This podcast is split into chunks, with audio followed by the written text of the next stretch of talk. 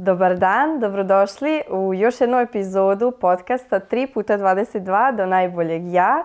Danas imate priliku da e, sam ja vaš domaćin, moje ime je Dragana, ali moj gost je zaista specijalan, to je moj divan suprug Stojan Đukić. Hvala, drago mi što si ulozi voditelja. Nadam se da će danas biti e, tema sjajna. Evo, završili smo još jednu poslovnu godinu koja je bila najbolja do sada i baš zbog toga sam hteo da zajedno napravimo za, za uvod za 2022. godinu jedan sjajan podcast i da negde malo još onako više ljudi uh, usmere sebe u jednom pravom pravcu i pravcu koji može da im donese puno lepih stvari. Jeste, jer verovatno dosta ljudi se pita šta je to zapravo što smo mi napravili, bar i mene puno ljudi pitalo kako, šta ste to uradili, vidim da vas proslavljaju, da vas promovišu, ali ne razumemo šta se to desilo, pa bih ja da krenemo mi od početka. Uh, jer ljudi uglavnom mi kažu aha, to je ono što si ti u onoj nekoj piramidi, jel?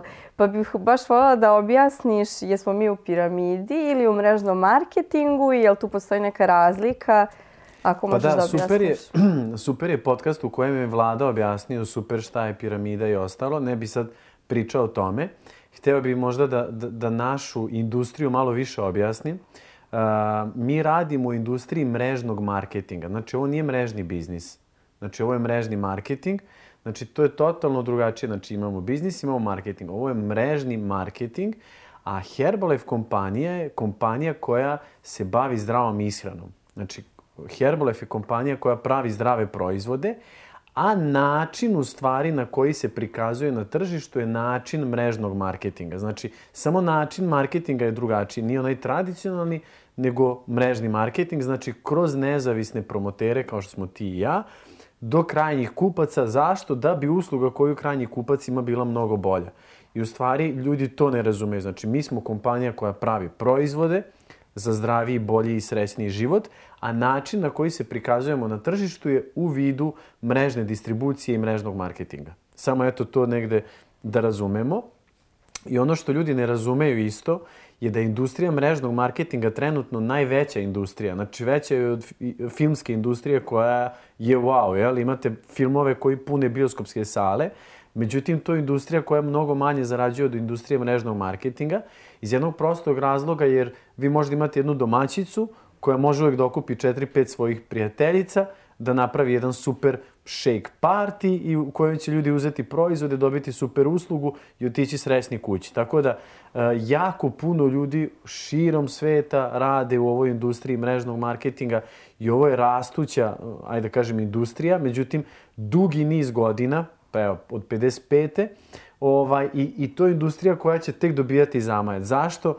Zato što puno nekih predrasuda je palo, znači ono što je jako bitno, da, da ljudi razumeju, možda kod nas ovde u, u našim uh, zemljama na Balkanu, ljudi imaju strah od toga zato što ranije nisu bili nikakvi proizvodi i postojale su neke kompanije koje su, jel, daš neki novac i onda te nigde nema, jel? Ali šta je bitno? Mora da postoji ili proizvod ili usluga.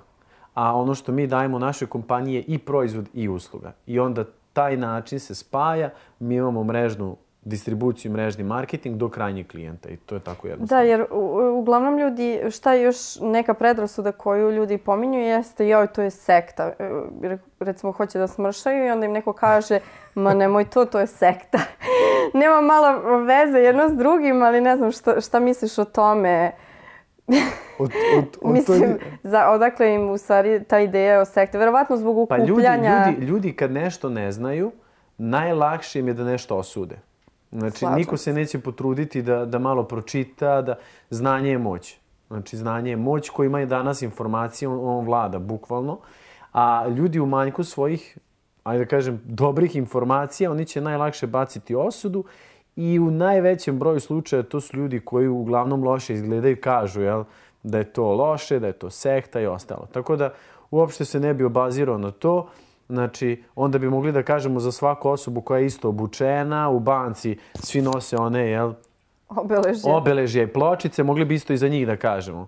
Znači, mi smo jednostavni, obični ljudi koji radimo u industriji mrežnog marketinga, znači mi radimo marketing, najveći novac u bilo kojoj kompaniji se daje za marketing.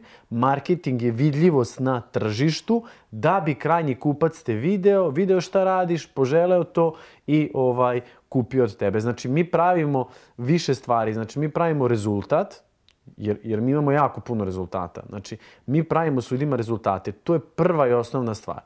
Kad imate rezultate, onda stvarate ponudu na tržištu. Znači, mi imamo da ponudimo ljudima neka rešenja po pitanju da smršaju, da nabace koje kilogram mišića, da izgledaju bolje, da imaju zdrav doručak. Znači, mi imamo rezultate, stvaramo jednu ponudu, znači njihove želje možemo da ispunimo i onda iz te njihove želje se javlja, ni ne znajući šta ljudi rade, prave svoj marketing i opet se sve vraća na ovaj novi rezultat Bravo. koji osoba koju oni poznaju može da napravi. Tako da, ajde da kažem, e, rezultat, e, da kažem potrebu ili želju im probudimo, oni rade nesvesno taj marketing, jer svi mi radimo marketing nesvesno. Marketing preporuke. Ono, marketing preporuke, danas najveći marketing.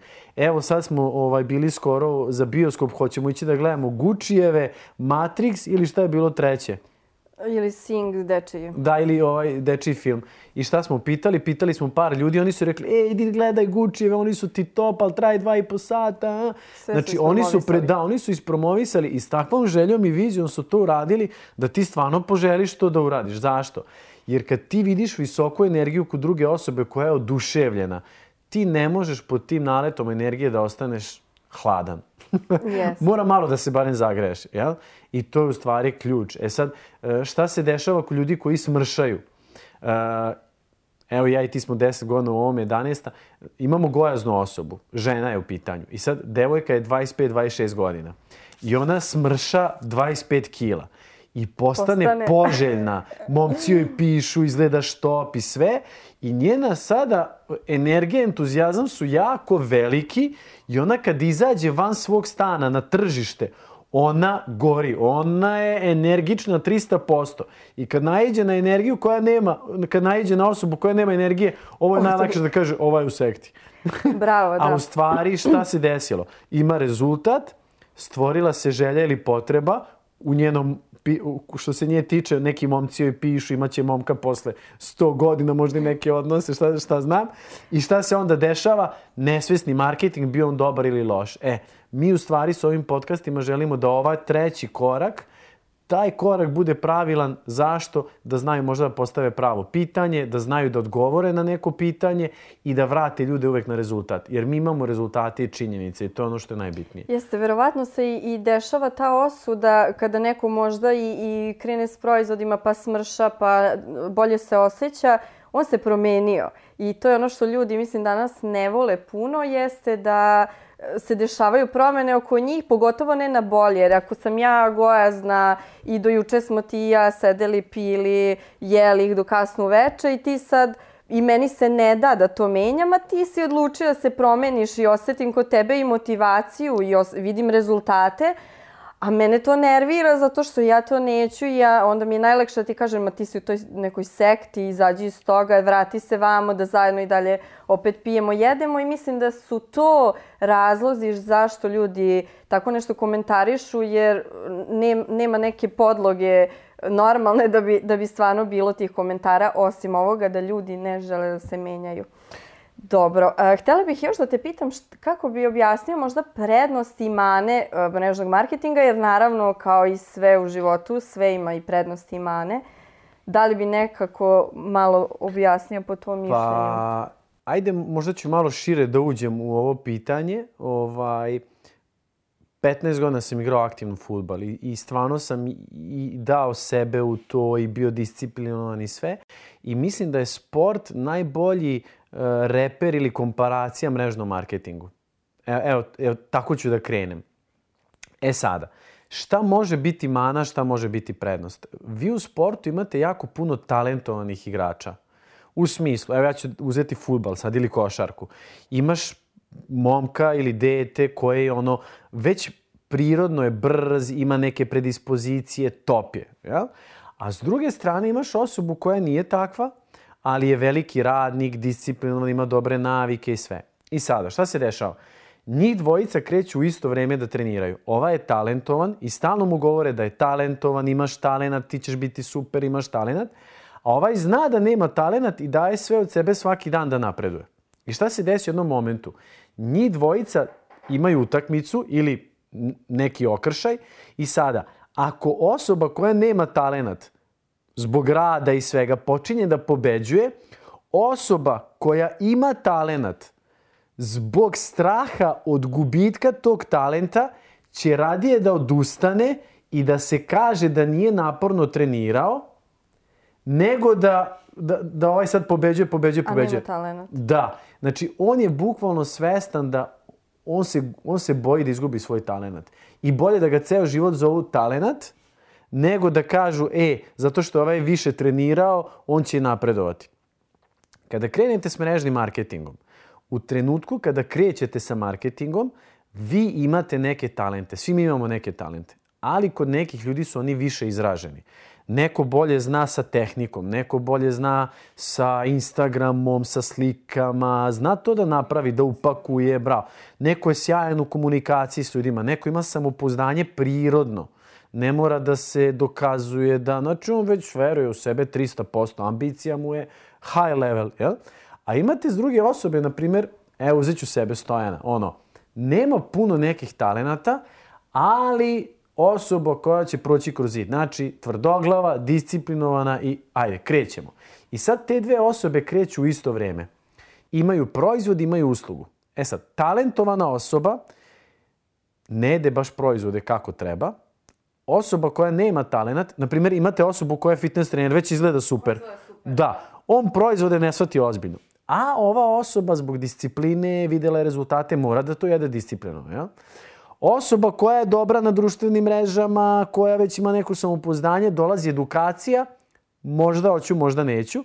Osoba koja je disciplinovana ide na svaku edukaciju, zna da će Sluša. to biti, jeste, zna da će to biti dobro za njega i njegov posao. U određenom momentu prođe godinu dana, možda dve, i osobe se u isto vreme su krenule i dolaze na isti seminar. Osoba koja je bila disciplinovana je za 3-4 statusa bolja od osobe koja je bila talentovana. I sad, talentovana osoba, kad vidi osobu koja nije bila talentovana s početka, vidi gde je sada, on ga čak i pušta da ovaj napreduje, a on se povlači. Zašto? Da ljudi uvek ga se sećaju kao osobu koja je imala talenat.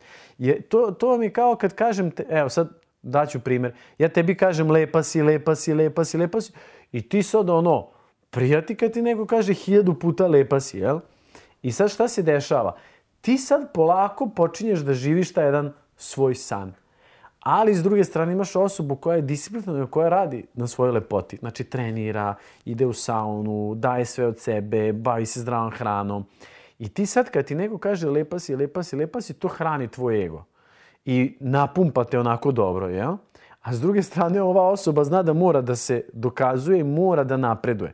I onda u određenom momentu ta osoba će uvek prevazići. Ja jeste, jeste. E sada, zašto sam počeo s ove strane? Zato što se nama x puta dešavalo da imamo jako talentovane ljude. I ti se zaljubiš u potencijal osobe. I ti misliš da će ona napraviti super stvari. A s druge strane imaš neko ko je, ono, ne bi mu dao 2% da će uspeti, je li tako? Ali ima neki sjaj u očima.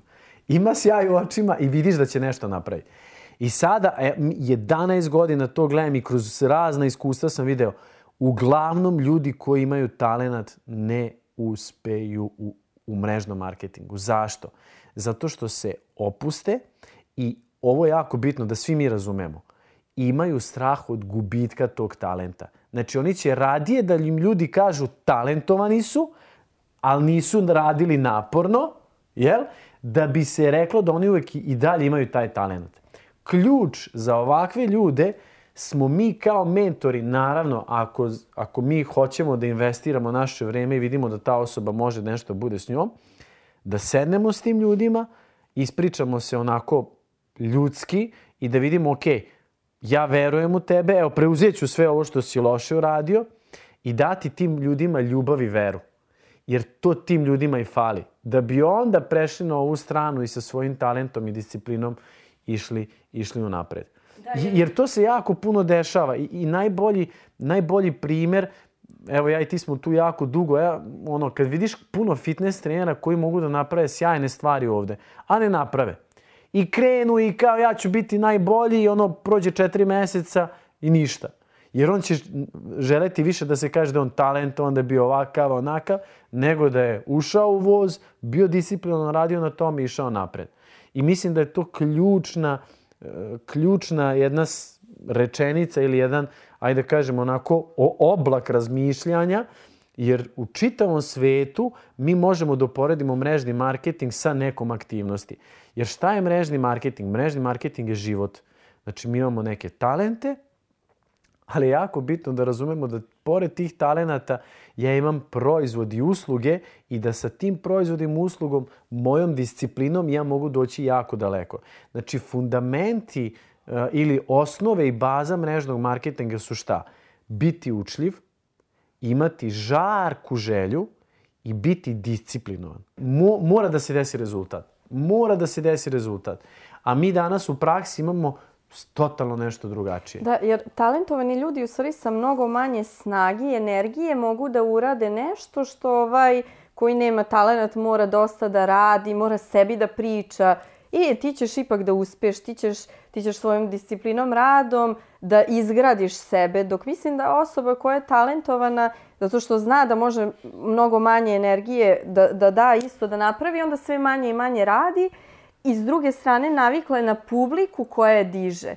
I onda e, mislim da u trenutku kada se desi prvi neki pad, onda nema publike. Nema publike sada ti kaže bravo, a, ti, a, a osoba nije navikla da sama sebi priča, ej, ma ti, ti vrediš, ti jesi uspešna, ti jesi talentovana, ti veruješ da ćeš uspeti. Mislim da taj neki moment kad se izgubi publika, izmakne Uh, možda čak i trener, da osoba sama sa sobom onda ne zna da nastavi dalje i onda bolje da nađem neki drugi posao, neki plan B, nešto iza da se okrenem, da ja krenem gde je publika i dalje ne zna za taj moj neuspeh, gde će mi reći, ej, pa ti si talentovana.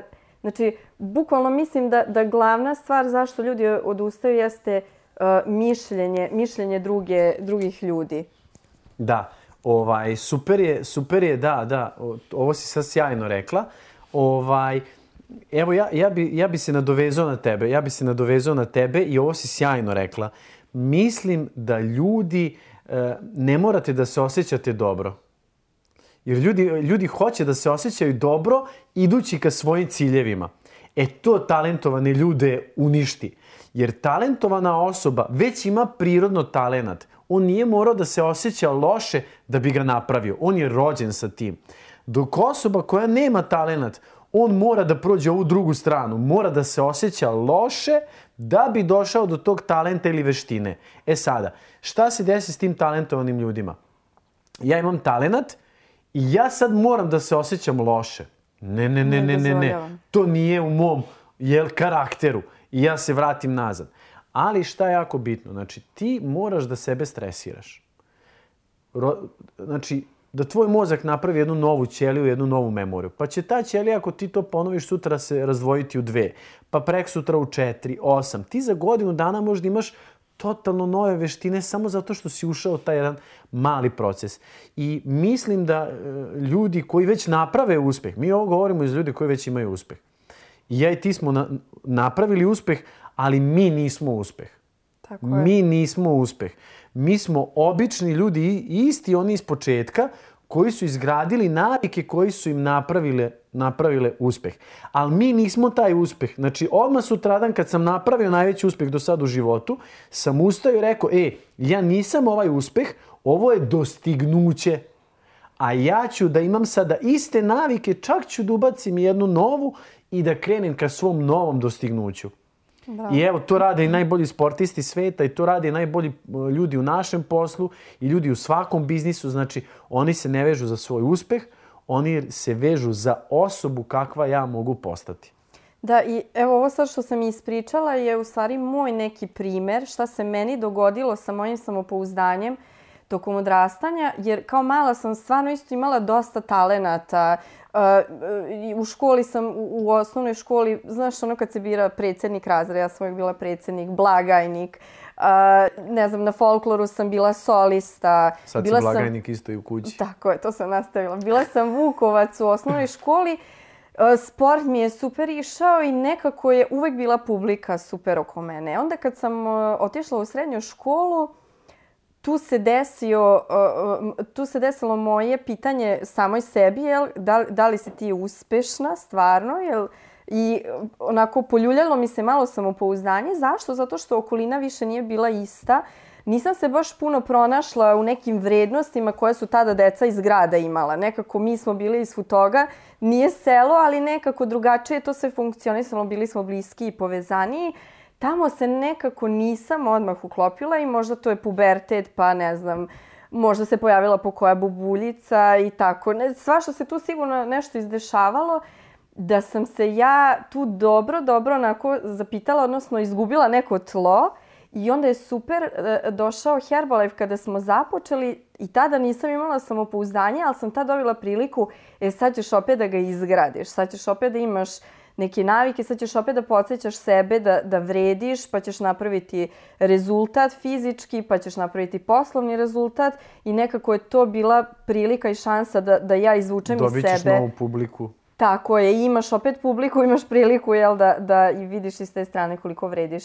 I, zanimljivo mi je još da možda ispričaš primer svoj kada si igrao futbal, uh, kada si bio si jako uspešan, ali te trener, mislim, smatrao si za sebe, puno si radio i, i imao si nekih rezultata, ali te trener ostavio na klupi. Zanima me taj moment, jer sigurno puno sportista možda će isto ovo da gleda, kako si ti to doživeo, taj, taj odnos tebe i trenera i, i šta je bilo, šta si ti rekao sebi je sad ću šta da odustanem, sad ću biti tužan ili ću još više da radim? Evo, to isto kao i ovaj mre... kao, opet se vraćam, sport, mrežni marketing, jel? E, ljudi ne razumeju da je biznis najteži sport. E, kad, kad ovu rečenicu razumemo, e onda smo mi već pola uspešni. Zašto? Ti u biznisu moraš fizički da si besprekoran. Zašto? Da bi tvoja kompanija trajala što duže. Znači, evo, mi smo sad, evo, ja i ti smo sad okruženi s puno ljudi koji su u biznisu. I džaba tebi sve ako ti nisi fizički zdrav. Zašto? Ti bi onda dao sve da možeš da imaš osjećaj koji si pre imao. Moraš da budeš mentalno zdrav. Znači, ti radiš sa gomilom ljudi. Možda, možda si nekima i šef. E, super je rekao ovaj prošli patrijarh i, ruski, Pitali su ga šta je najteže u životu. Kaže on, biti na čelu neke organizacije. Zašto? Zato što moraš doneti neke loše odluke. Koje neće biti... Da, neće biti idealne, da, da. Da, da neke odluke ćeš morati da doneseš koje nisu možda... Neće se sviđati isprav... drugima. Da, da. Ovaj, I sad kad razmišljam o, o svemu tome, i, i naravno onda duhovno moraš da budeš zdrav, jel? znači te, te tri sfere, a šta onda dolazi? Moraš finansijski da budeš besprekoran. Moraš da imaš finansijsku disciplinu. Jer ti dok si u sportu, ti ne moraš to da imaš. A kad završiš, šta se desi većini sportista, zbog manjka ove četvrte stvari krenu da padaju. Onda broj pet, uh, okupi, što bi rekli ovi ovaj, englezi, znači uh, pet tvojih najboljih prijatelja. Znači, ne mogu ja koji zarađujem ne znam koliko, to nije prirodno da se ti družiš s ljudima koji jako malo zarađuju. Nije prirodno. Vukovi se druže s vukovima. I, i kraj priče. Da imaš visoke ciljeve, Da, imaš visoke ciljeve, ja želim da lovim, ja želim da... Da. Što kaže, ono svako jutro u Africi se probudi leopard i antilopa. Leopard vija, antilopa beži. Znači, ni dvoje nisu prijatelji. Da, da. Da, mi možemo biti u istoj šumi, sve super, ali način na koji mi radimo na dnevnom nivou nije isti i zbog toga dolazi do te razlike. Evo, ja bih volio sad da spomenem mog trenera Milana Kosanovića koji je, ono, evo sad mi probudi najlepše uspomene, 12 godina me trenirao. To je bio, ja sam tu naučio većinu stvari koje dan danas primenjujem. E, doveo je mene i mog kuma Milančeta iz, iz, iz Futoga u Novi Sad. E, Milanče je bio ono top of the top, ono, bio je super strelac, jak, fizički, sve. Ja sam bio ono nazad sredina i nisam imao talenat, ali se videlo žarka želja. da, žarka želja se videla. I sad dolaziš u Novi Sad i sad ono, u tom trenutku sva okolna sela uzeti su ono igrači, Milan Kosanović ih okupio, to mu je bila prva generacija. I mi smo svi zajedno počeli da treniramo. I ja nisam igrao odmah od početka. Ja jesam došao da igram, kao da, da bi bio tu, ali ja nisam igrao od početka. I to je u meni probudilo inat, e sad ću da vam pokažem. Znaš, a zašto? Zato što nisam imao talenat. Morao sam da ovo svoje podižem. I sećam se tu prvu godinu, ono, bio sam na klupi, gledao sam kako Godinu igraju. dana. Godinu dana. Znači, ja sam svaki dan putovao iz Futoga, bio na klupi, čutao i ono, znam da su me ono izezali, znam da me ono i trener čak zezao x puta, ali nisam osetio lošu emociju. Verovao si sebi ipak. Da, da. I, i, I to je bilo zanimljivo i kod, i kod Kosana. Znači, on, on jeste mene stavio na klupu, e, ono, dokazuje mi je da moram još da radim, ali nije imao lošu emociju. Znači, ovo je jako bitno, nije imao lošu emociju. Ni, ja nisam nikad osetio lošu energiju od njega. I onda, i čak i nekad, ono, i kad ti se nasmeje ili te pohvali, Mislim, on mene pohvali jednom u mesec dana, a meni Tebi. to da boost, e, sad ću da pokidam ovih mesec dana. Ali kako si lepo to definisao, dokazao mi je da moram još da radim. Kako si istumačio to, godinu dana sam na klupi. E, to tumačenje u stvari je najbitnije. A nije bilo, a on mene ne voli, zašto se ovo Jeste, meni to dešava? tumačenje je najbitnije i gledaj šta se dešava. Iz to, od tog trenutka ja sledeću sezonu dolazim najspremniji ikada. Spremniji od svih ostalih. Uh, počinjem da igram standardno. Najbolje ocenjeni kadet u, u, u cijeloj ekipi. Uh, ma sve top, ono, ma top of the top. Onda me Kosan preporučuje generaciji stariji od mene da igram. Zamisli sad ti ono, do pre godinu dana nisi igrao, sad igraš za stariji, ali to je novi, novi sad koji pobeđuje i Vojvodinu u tom godišu. Znači, ti igraš za generaciju više, ono, wow. Ti si superstar postao. Preporučuje me za prvi tim da idem e, sa nas još troje četvoro da igramo za prvi tim, stipendijski ugovori. Kad je otišao na dvojnu ovde u futog, mene prvog doveo. Mislim, to mi, imao još dva, tri igrača koje je voleo. I to mi je dalo ono prve lekcije kako ja tumačim stvari koje nisu dobre po mene u tom momentu. Tako je, da ljudi nemaju strpljenje, viziju, ne znaju zašto je to dobro. Ne, ne, mislim, ono čime smo se ti i ja uvek vodili kad god su bili neki teški trenuci, kad god smo dobijali neki udarac, rečenica koja nam je pomogla jeste ovo se dešava za naše veće dobro. I uvek smo vraćali to da se dobro osjećamo prvo, da zahvalimo toj situaciji kakva god daje i da kreneš onda još jače da radiš, još da budeš bolji, disciplinovaniji, ponizniji, Bravo. da bi u stvari porastao i, i stvarno postigao ono što si, što si želeo. Pa evo ja i ti smo ono posle i seminari i preko i Amerika i ono, i, i ono sećam se kad sam bio u Americi to mi je bilo ono eksplozija oduševljenja. Zašto? Jer sam dobio potvrdu svih onih stvari koje smo ja i ti učili, plus onda edukacije koje smo imali, plus plaćene edukacije koje smo ja i ti radili. I ono, sve, sve te edukacije, sve što smo mi naučili, mislim, aj sad da se opet i vratim, sad kad pogledaš i Instagram i Facebook i YouTube i svi, svi ti kad gledaš neke ljude misliš ovi sve znaju, ovi su bogom dani, ovi... Ne, ne, ne, ne. Ja imam samo mrvicu mudrosti i znanja. Ona je od gore zna sve. Ona je od gore baba, a mi ono... Pokušavam. Pokušavamo, da, da, da. da Igramo da. se. Igramo se, da. Ovaj, mislim da je to jako bitno da, da, da svi mi razumemo. Jel? Znači, kako kaže u Bibliji, početak mudrosti je strah gospodnji. Jel? Ovaj, ali kada ti uđeš malo više u, u čitav sistem i sve, ti shvatiš tri jednostavne stvari koje, koje bi volao da svi naši gledalci danas razumeju. Znači, najbitnije stanje kako se ja osjećam. Znači, od svih edukacija, 11 godina, Amerika, Evropa, sve, sve, sve, znači, najbitnije je stanje. Šta je to stanje? Tvoj stav fizički, kako ti izgledaš, da li su ti ramena nazad, da li ti pričaš glasno, da li, da li, da li ta energija iznutra odaje tvoju sigurnost u sebe. Znači, to je stanje. Znači, ja moram da se osjećam sjajno. Da li sam besna ili zahvalna? Bravo, da, da, znači moje stanje mora biti besprekorno. Depresivni ljudi su u kakvom stanju? Glava dole, pričaju tiho. Ne kreću se. Da, e, najbolja edukacija ikada je bilo ono u Americi. Kaže, depresivna osoba, ne znam kod koliko je psihoterapeuta bila, i 46. psihoterapeut kod kojeg dolazi, ovaj, kao ajde tebe da probam, kao probao sam ih sve. I kažemo, ovaj, i radimo jedno istraživanje, postavljen je određeni broj satelitskih ovih tanjira za, za, za kablovske mreže, pa bi voleo samo na putu do vaše kuće da ih prebrojite. I ako ne bi bio problem i sledeći put kad budete dolazili onaj tamo, to treba da uradimo tri puta, samo da vidimo da li ljudi stavljaju i sami, a ne samo ove mreže. I u stvari čovek je držao glavu gore. I pa sad ovo, čovjek je došao treći put mu je rekao da se osjeća sjajno, ne znam zašto. Pa samo je ispravio svoju glavu, počeo da gleda u nebo, u mogućnost, u nadu. Znači, moje stanje je najbitnija tačka.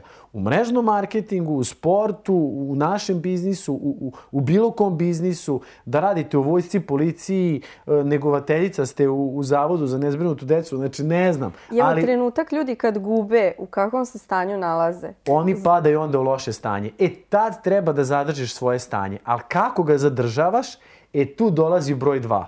Bravo. A Kako to je tumač? priča koju sebi pričamo ili tumačenje.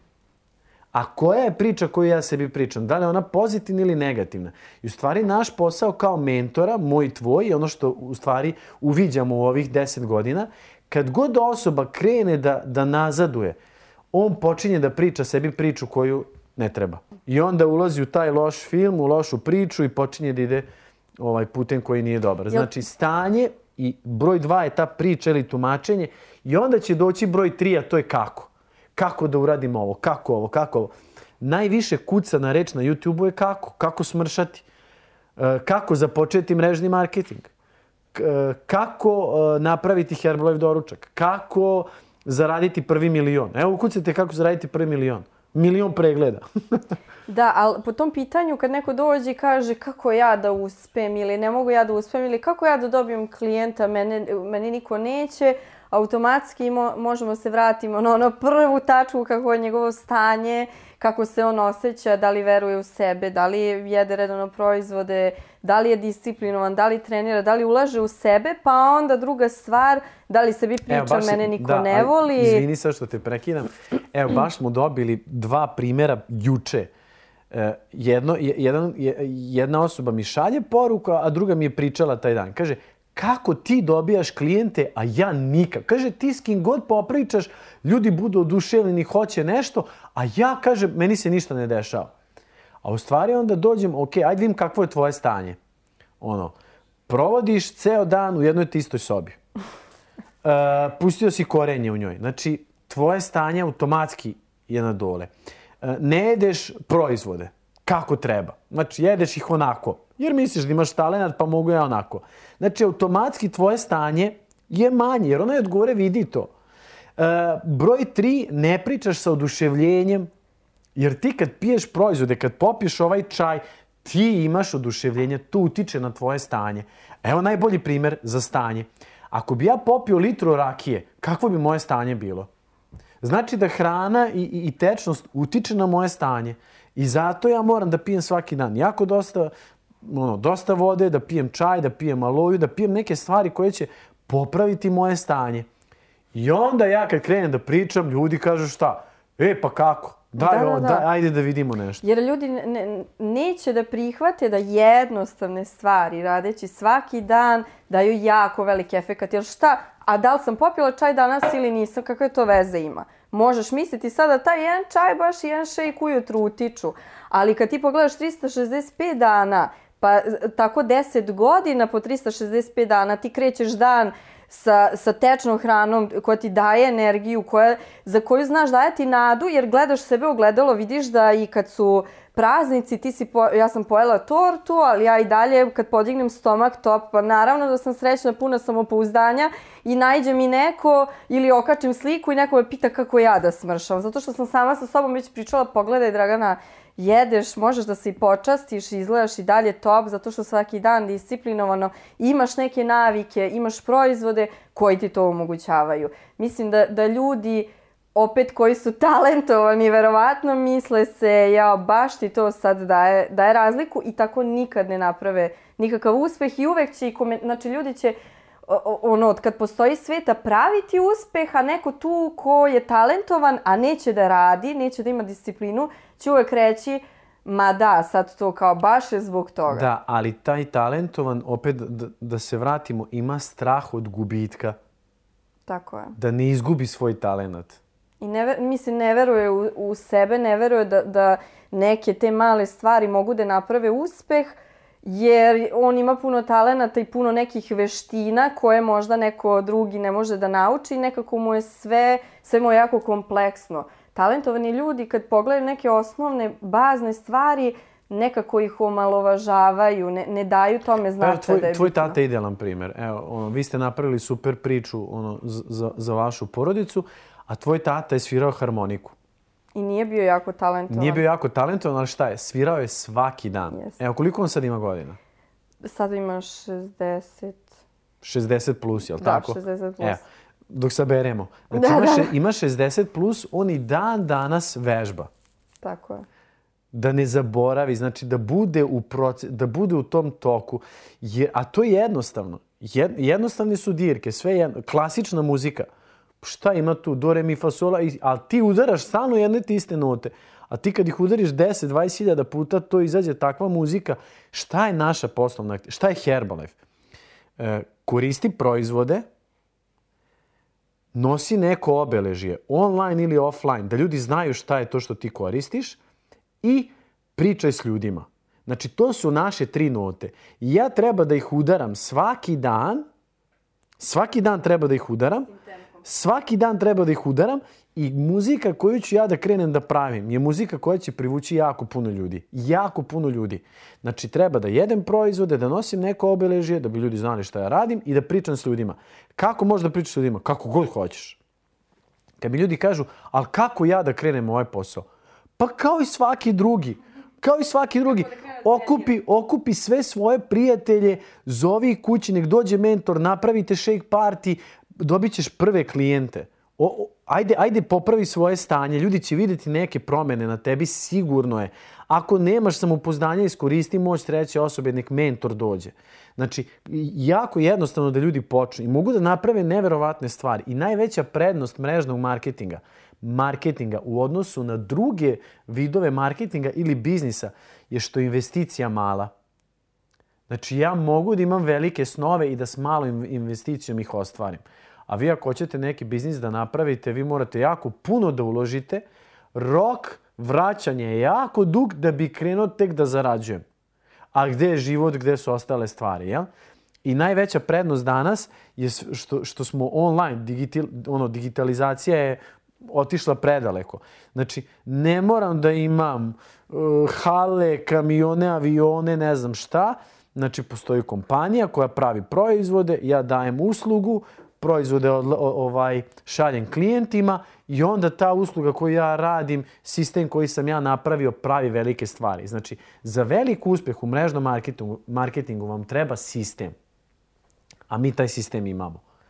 I u stvari taj sistem pravi onda rezultate.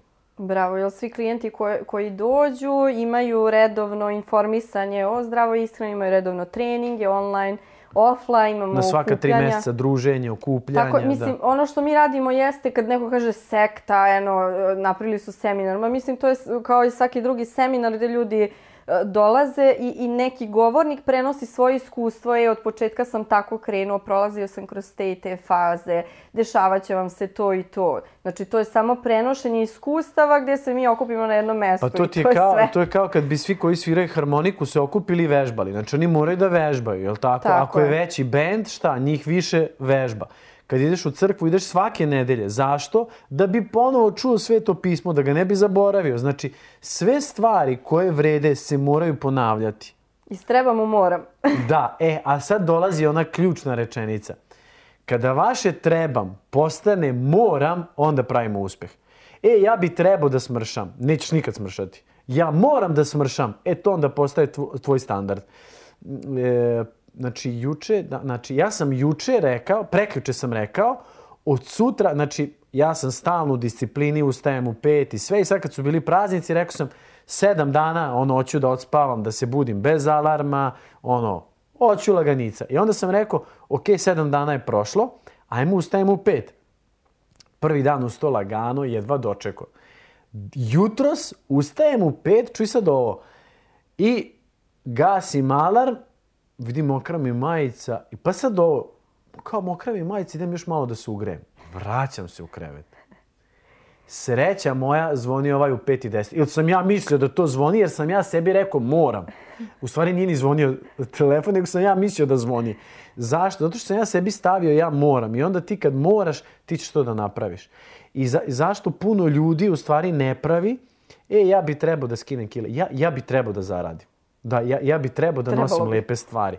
Ja bi trebao da imam lep auto. Ja bi trebao da, da otputujem u lepe krajeve. Aj ti stavi da moraš da odeš u Dubaj.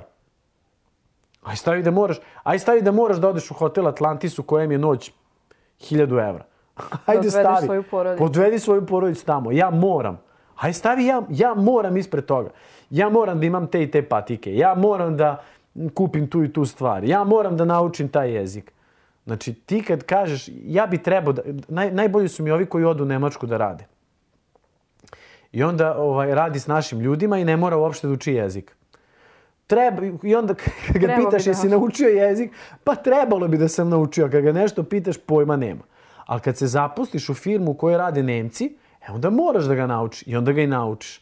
Tako da moram, moram, moram. I onda to moram u stvari napravi stvari. U našem poslu, i ono što smo ja i ti videli, kada čovek dođe, obična osoba, bez ikakvog talenta, bez puno para, eh, i kaže ja moram da smršam. I on smrša. Jave mu se neki ljudi. On je zaradio neki novac i sad kaže ja moram da krenem da dodatno zarađujem. Ja moram da imam dnevni plan akcije pozivanja. Ja imam dnevni plan prezentacija. Ja moram da odem jednom mesečno na seminar. Ja moram u ovoj godini da zaradim ukupno 10.000 dolara plus za cijelu godinu. I onda za 5000 za, za 5 godina on dođe do 60.000 dolara plus. Onda u šestoj godini dođeš do 100.000 plus. Znači, ja bi mrežni marketing ovako razvrstao. Znači, ima tri, ima tri tačke e, preokreta. Znači, prva tačka, ovo je bitno da svi koji gledaju razumeju, prva tačka u mrežnom marketingu je od 0 do 100.000 Zarade. godišnje. Znači, od 0 do 100.000 zarade. Znači, to je plan 5 godina. Znači, Dolara ili? Dolara, dolara. Znači od 0 do 100.000 dolara. Zašto? Na tom putu ćeš proći sve ovo. Talenat nekad izgubiš pa padneš pa moraš sam sebi napraviš novu publiku. Pa... Znači tu se desi x stvari. Znači od 0 do 100.000 je prva, prvi deo. Ja i ti znamo jako puno ljudi koji zarađuju 80.000 plus i koji misle da je to wow. A ja vam kažem, vi ste u prvoj ovoj. Znači od 0 do 100.000 je prva. Onda druga, čuj sad ovo, je od 100 do 300 hiljada. Znači druga je od 100 do 300 hiljada. Znači prva je od 0 do 100, druga je od 100 do 300, e onda je treća 300 hiljada plus. Milion, dva. Jer kad ti zarađuješ 300 hiljada dolara plus godišnje, to je u prevodu 25-30 hiljada dolara mesečno ti prvi mesec kupiš stvari koje ti trebaju, drugi kupiš stvari koje ti trebaju, treći kupiš, a šta radiš četvrti mesec? Šta radiš I peti, onda se šesti? pitaju ljudima, alo si, šta će ti toliko para? Što... Da, ali šta se onda dešava? Ti tu nisi zbog para, Tako ti je. nisi tvoj uspeh, ti si ista ona osoba koja ima sve iste discipline i samo da dodaje nove. I zato je, zato je bitno i u novcu da se razvrsta od 0 do 100, od 100 do 300 i od 300 plus. I, i to jer je najbolje. mislim, evo sad da se vratimo, ono što je nama bio cilj, zašto smo krenuli, naravno da je i novac bio jedan od razloga, da bi imao sigurnost za svoju porodicu. Znači da, da pokriješ, da, da imaš neki standard o kojem si maštao od samog početka, a onda dalje ne radiš više zbog novca. I kad te ljudi pitaju što ti dalje radiš, radiš zato što si živi, zato što si, e, ako smo mi promenili svoj život, pa sigurno postoji još jedan par kao što su bili Stojani i Dragana sa 19 i 25 godina, koji su ono, završili fakultet i ne znaju šta će dalje, a imaju radnu etiku imaju disciplinu, veruju u sebe, kad padnu, dižu se, ne žale se, hoće napred. Imaju sigurno, ambiciju, žele da budu bolji od drugih. Je. Znači, mi takve ljude i tražimo. Sigurno postoji takav još, još jedan par, dva, tri, deset i sve dok smo živi ćemo to da radimo i prenosimo naše iskustvo zbog tih ljudi koji još uvek nisu dobili mogućnost da mogu da se pokažu. Jer kao i u sportu, jel, nekad ne dođeš možda ni do u pravi tim trenera i tako dalje, ali ovdje imaš mogućnost, nema sreće, nego sve zavisi od tebe i svaki, svaki pad je u stvari odskočna daska za sledeći uspeh. A to je ono gde uglavnom najviše talentovani ljudi odustaju, neće da izgube talenat i na tom prvom padu već odustaju, traže drugu Bra, priliku. Ja baš sam sad ovaj, pročitao autobiografiju Bruce Lee-a i ono fenomenalno je koliko on batina dobio. A ti sad misliš Bruce Lee, ono istuko celu kinu, ono, u fazonu, I nikad nije da, i nikad nije, da, da, da. Ovaj, ovaj, sad se setio onog cige koje, kojeg je istuko ovaj, kinez. Uh, šta, šta, šta je super bilo kod, kod Bruce Lee-a? On je dobio bati na IHH, imao je nekog Ip Mena koji ga u stvari učio tom po, onom izvornom kung fu, jel? I on, I on ga je učio kung fu i ovaj je dobio batina na, na tim čas, časovima ali je bio gladan znanja. On je, on je bukvalno jedva čekao da dobije batine. Zašto? Jer je znao da će nešto novo naučiti. Bravo. I onda bi izašao napolje i onda bi se tuko sa svojim vršnjacima koje je dobijao, jel? I šta se onda desilo? On je bio jedan od najboljih kung fu instruktora. Otišao u Ameriku, počeo tamo da predaje, ali nije imao para. Nije imao para. Znači, vi možete biti najbolji u bilo čemu, ali to vam ne garantuje da ćete zarađivati sjajan novac koji će vam omogućiti neke osnovne stvari da ne brinete o njima. Isti taj Bruce Lee je došao do trenutka da ono nije imao da plati struju, imao je ženu, dete, ono šta s njima. Sad imam još jedan trošak, ja? A vam ono moram da idem da treniram ljude i to i to. Ono kung fu moraš jedan na jedan, jedan na dva, tri, ne možeš imati velike grupe. I onda je u stvari da imao klik, imao je klik, e, zašto ja ne bi snimao filmove? I onda je upoznao osobu od koje je znao da je bolji, koji je zarađivo jako veliki novac u filmskoj industriji. I pitao ga je da naprave film zajedno i ovaj mu je rekao neću da napravimo film, ja sam ipak filmska zvezda za tebe. I onda je probudio inat u Bruce Lee-u koji je rekao e ja ću biti veća zvezda od tebe. I onda je nastao prvi film, pa drugi film, pa treći film i on je postao planetarna zvezda i zarađivo milione da bi imao bolji standard svog života za svoju ženu i za svoje dete. Vozio je najlošiji auto u Los Angelesu u tom momentu. Nije žele ono, mislim, za, zašto mi si želimo da zaradimo više? Da kad uđeš u auto ne mora da ide ono, nego da bude ti... Da ti ono, lakše, da, pa da, da ti olakša stvari, da. Znači, zašto se prave nove stvari? Da bi nam olakšale, da bi ubrzale neki proces. I zato svi mi želimo da zaradimo više zbog osjećaja koji taj novac može da nam da. Z zašto zarađuješ? Zašto plaćaš struju? Pa da bi imao toplu vodu, da ne moraš stalno hladnom vodom da se tuširaš. Ok, ajde ono Wim Hof pa ću se hladnom, ali ne moraš stalno hladnom. I tvoje deca treba da se istuširaju toplom vodom. I evo, ajde sad uzeo sam Bruce Lee, ali svaka uspešna osoba je morala da prođe taj proces ono, ok, talent, ali ja moram da napredujem, napredujem, napredujem. Gladan sam znanja, daj da vidim od koga mogu da učim, od koga mogu da učim, od koga mogu da učim. Našao sam mogućnost s kojom mogu da napravim pare, e sad ću još da napravim pare zbog ovih svojih stvari. I evo, možda za kraj jedna super, super rečenica koju si ti jednom rekao, oženi se za proces, a razvedi se od rezultata. Verovatno si negde čuo za to, pa e, mislim da suma sumaru možda da... Pa da, da Kaže, Sve ovo što smo pričali danas je zapravo to. Da. Venčaj se za taj proces, proces postajati bolji i razvedi se od rezultata. Jer šta ljudi rade? Uh, prvi dan dijete. Krenem zdravo da jedem sve, uveče dođem, stanem na vagu i pogledam se ogledalo ne funkcioniše. Pa da nema rezultata. moguće, nema rezultata. Drugi dan uradim nešto, treći, četvrti dan radim već sve kako treba, stanem ispred ogledala, kilaža ista. Je moguće ovo? A u stvari ljudi ne razumeju da ti treba da se venčaš baš za to što radiš na dnevnom nivou i razvedeš se od ovog rezultata. Jer rezultati su, rezultati mogu da vas pomute. Jer, jer vi niste vaš rezultat, vi niste vaš trenutno. uspeh. To je trenutno, bravo. A ti si ona ista osoba koja ponavlja taj svoj proces. Jer šta ima veze ja, i da postignem rezultat, ako, ako ne volim taj proces, ako ne volim put e, kako sam ga napravila, znači ja kad dobijem taj rezultat, ja ću od sutra već da krenem nešto peto da radim i opet taj rezultat koji sam postigla će, će nestati. Zato nekako ljudi uh, uglavnom vole te neke načine preko noći, instant, brzo, da ja to vidim odmah, a u stvari sve ono što je nevidljivo, te navike koje ja radim svaki dan, je ono što je vredno i što će mi za ceo život doneti rezultate koje, koje želim E, da sad ću se postignem. opet vratiti na Bruce Lee-a. ovaj, zato što mi je zanimljivo, jer može svako da se poistoveti i gleda ga je i ono čuje. E, ljudi misle, e, ti moraš da budeš disciplinovan. Ne, ti nađi nešto šta voliš i oko čega si strastven. I onda ćeš ti zbog toga i ustajati ranije, ići na to i trenirati to. I evo ja ću vam reći moj primer. Naravno da me mrzi ujutru da ustanem. X puta mi nije lako da ustanem i odradim trening. Ali, na primjer, kad bi imao ujutru futbal ili rukomet ili košarku, ja bi odmah otišao. Mene bi, ja bi se probudio i pre alarma. Zašto? Zato što ja to volim. Ja ne moram da budem disciplinovan oko toga. Ja to volim, ja ću ustati i još znam da me tamo neka ekipa čeka. Pa gde da zakasnim? Neće imati dovoljno igrača baš zbog mene. I onda ti kreneš da radiš.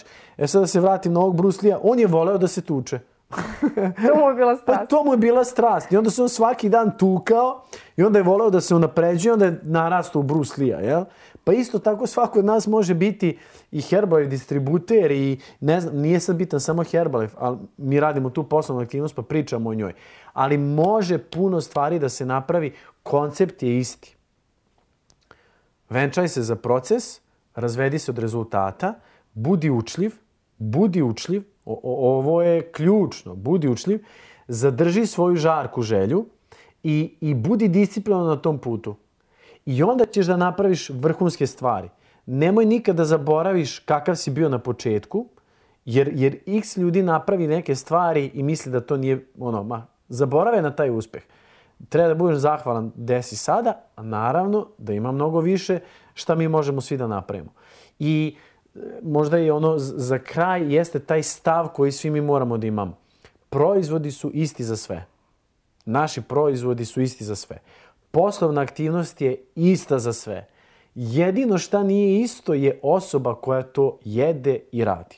Znači, sve je do nas samih. E sad, šta je to mi sami? To je naš stav, a, a, a naš stav je u stvari kako mi reagujemo na situacije koje nam se Uglavnom, dešavaju. kako, kako reagujemo kad smo u problemu, jel, u situaciji. Znači, kakav stav može biti? Ono, neki, neke bolesti našeg stava. Možeš biti neodlučan, ne možeš da se odlučiš. I, a to je najgore. Bolje se odluči, pa ono, makar da i pogrešio. pogrešno. Pa ćeš znati. Da, da, da. Onda šta, šta, je, šta je? Ljudi imaju strah.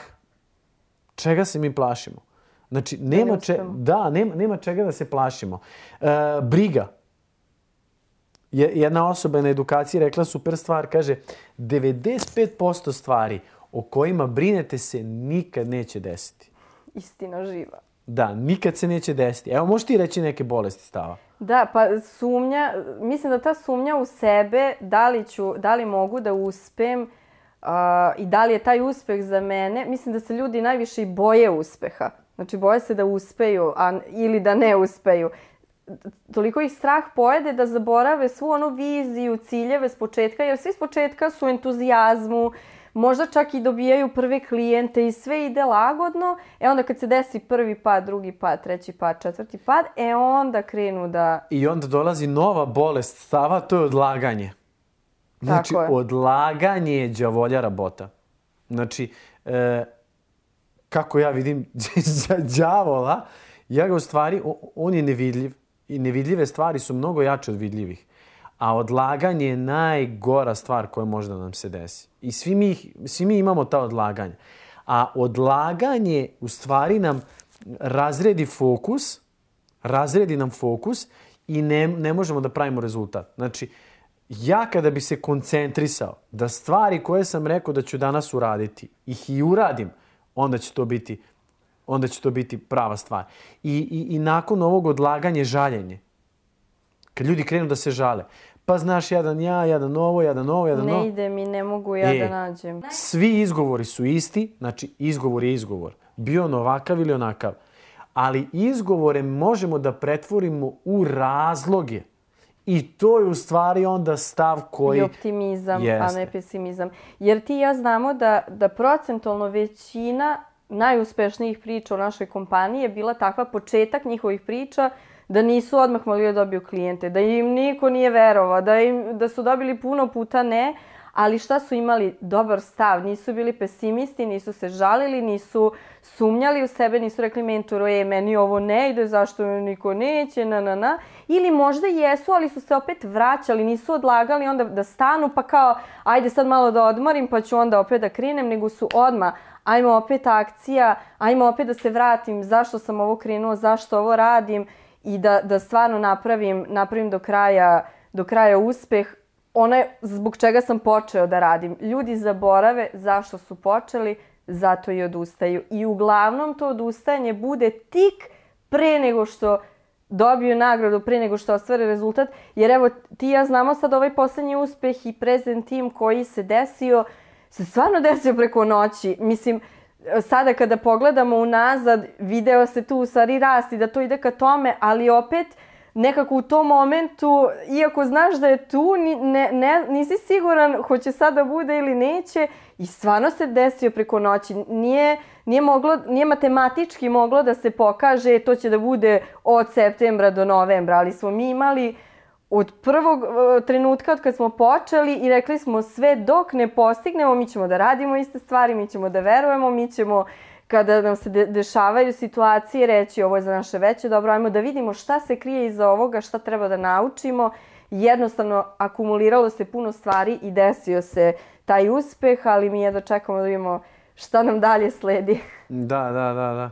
Ovaj, I evo, možda za kraj, eh, ono, x ljudi kaže ja ću uraditi sve, ono, daću sve od sebe. I kad ljudi kažu daću sve od sebe, to nije 100%.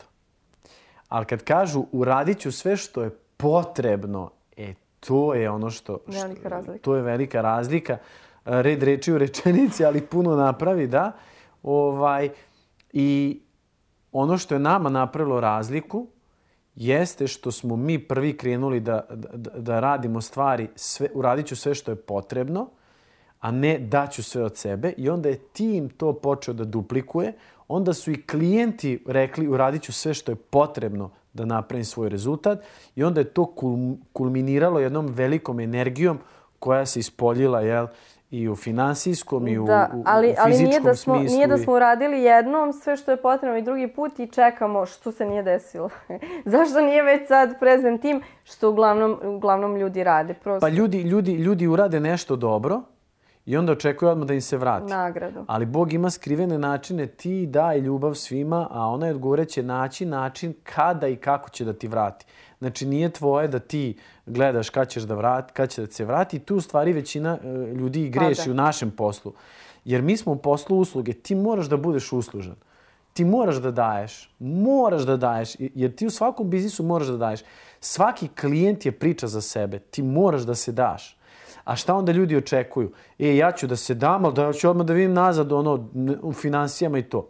I ono možda kako ja i ti razmišljamo, ja od početka razmišljam. Svaki moj klijent je moj projekat pet godina. I ako ja gledam šta će on meni doneti za pet godina, on onda oseti kako ja njemu dajem i koliko sam se ja posvetio. I to ljudi osete. I zbog toga onda ti imaš takve rezultate. A kako ljudi razmišljaju? Ja ću njemu da se dam, Da on će da plati račune Da, da, on ovaj će da da pare, ja ću da ih potrošim i šta sad? Ljudi to osete. I baš zbog toga, znači kako treba svako, svaka kompanija da radi s klijentom, ne samo u mrežnom marketingu, u bilo čemu, imate prodavnicu obične hrane, dolazi ti komšinica koja tu dolazi 100 godina, treba da je pona, gledaš kao ko, kakav je ovo moj klijent za 5 godina. Možda ti prvi put osoba uđe u radnju, kakav je ovo moj klijent za 5 godina. E, radimo ovo snimanje. Snimatelji su top. Ali ja kažem, kakvi će oni biti za... Znači, oni su moji klijenti za, za pet godina. Kako ja, kakvu ja energiju dajem njima? Šta se s njima dešava? Šta ovo? Šta ovo? To ljudi osete. I onda ti dobiješ automatski povratnu energiju i desi se super stvari. Eto, mislim da smo se puno toga prošli, ne, neke teme i mislim da smo baš puno, puno stvari pokrili. Hvala ti puno što si bio moj gost danas. Uh, I vidimo se ljudi uskoro u Vidimo sledećem... se uskoro na novim putovanjima koja ćemo sad da zabeležimo sva. O, bravo, da. Pratite, pratite dobro naš kanal, bit će puno nekih super stvari, ekskluzivnih. Snimamo ekskluziv, ekskluzivu. Tako da vidimo se ljudi eh, već sledećem prilikom u sledećem podcastu.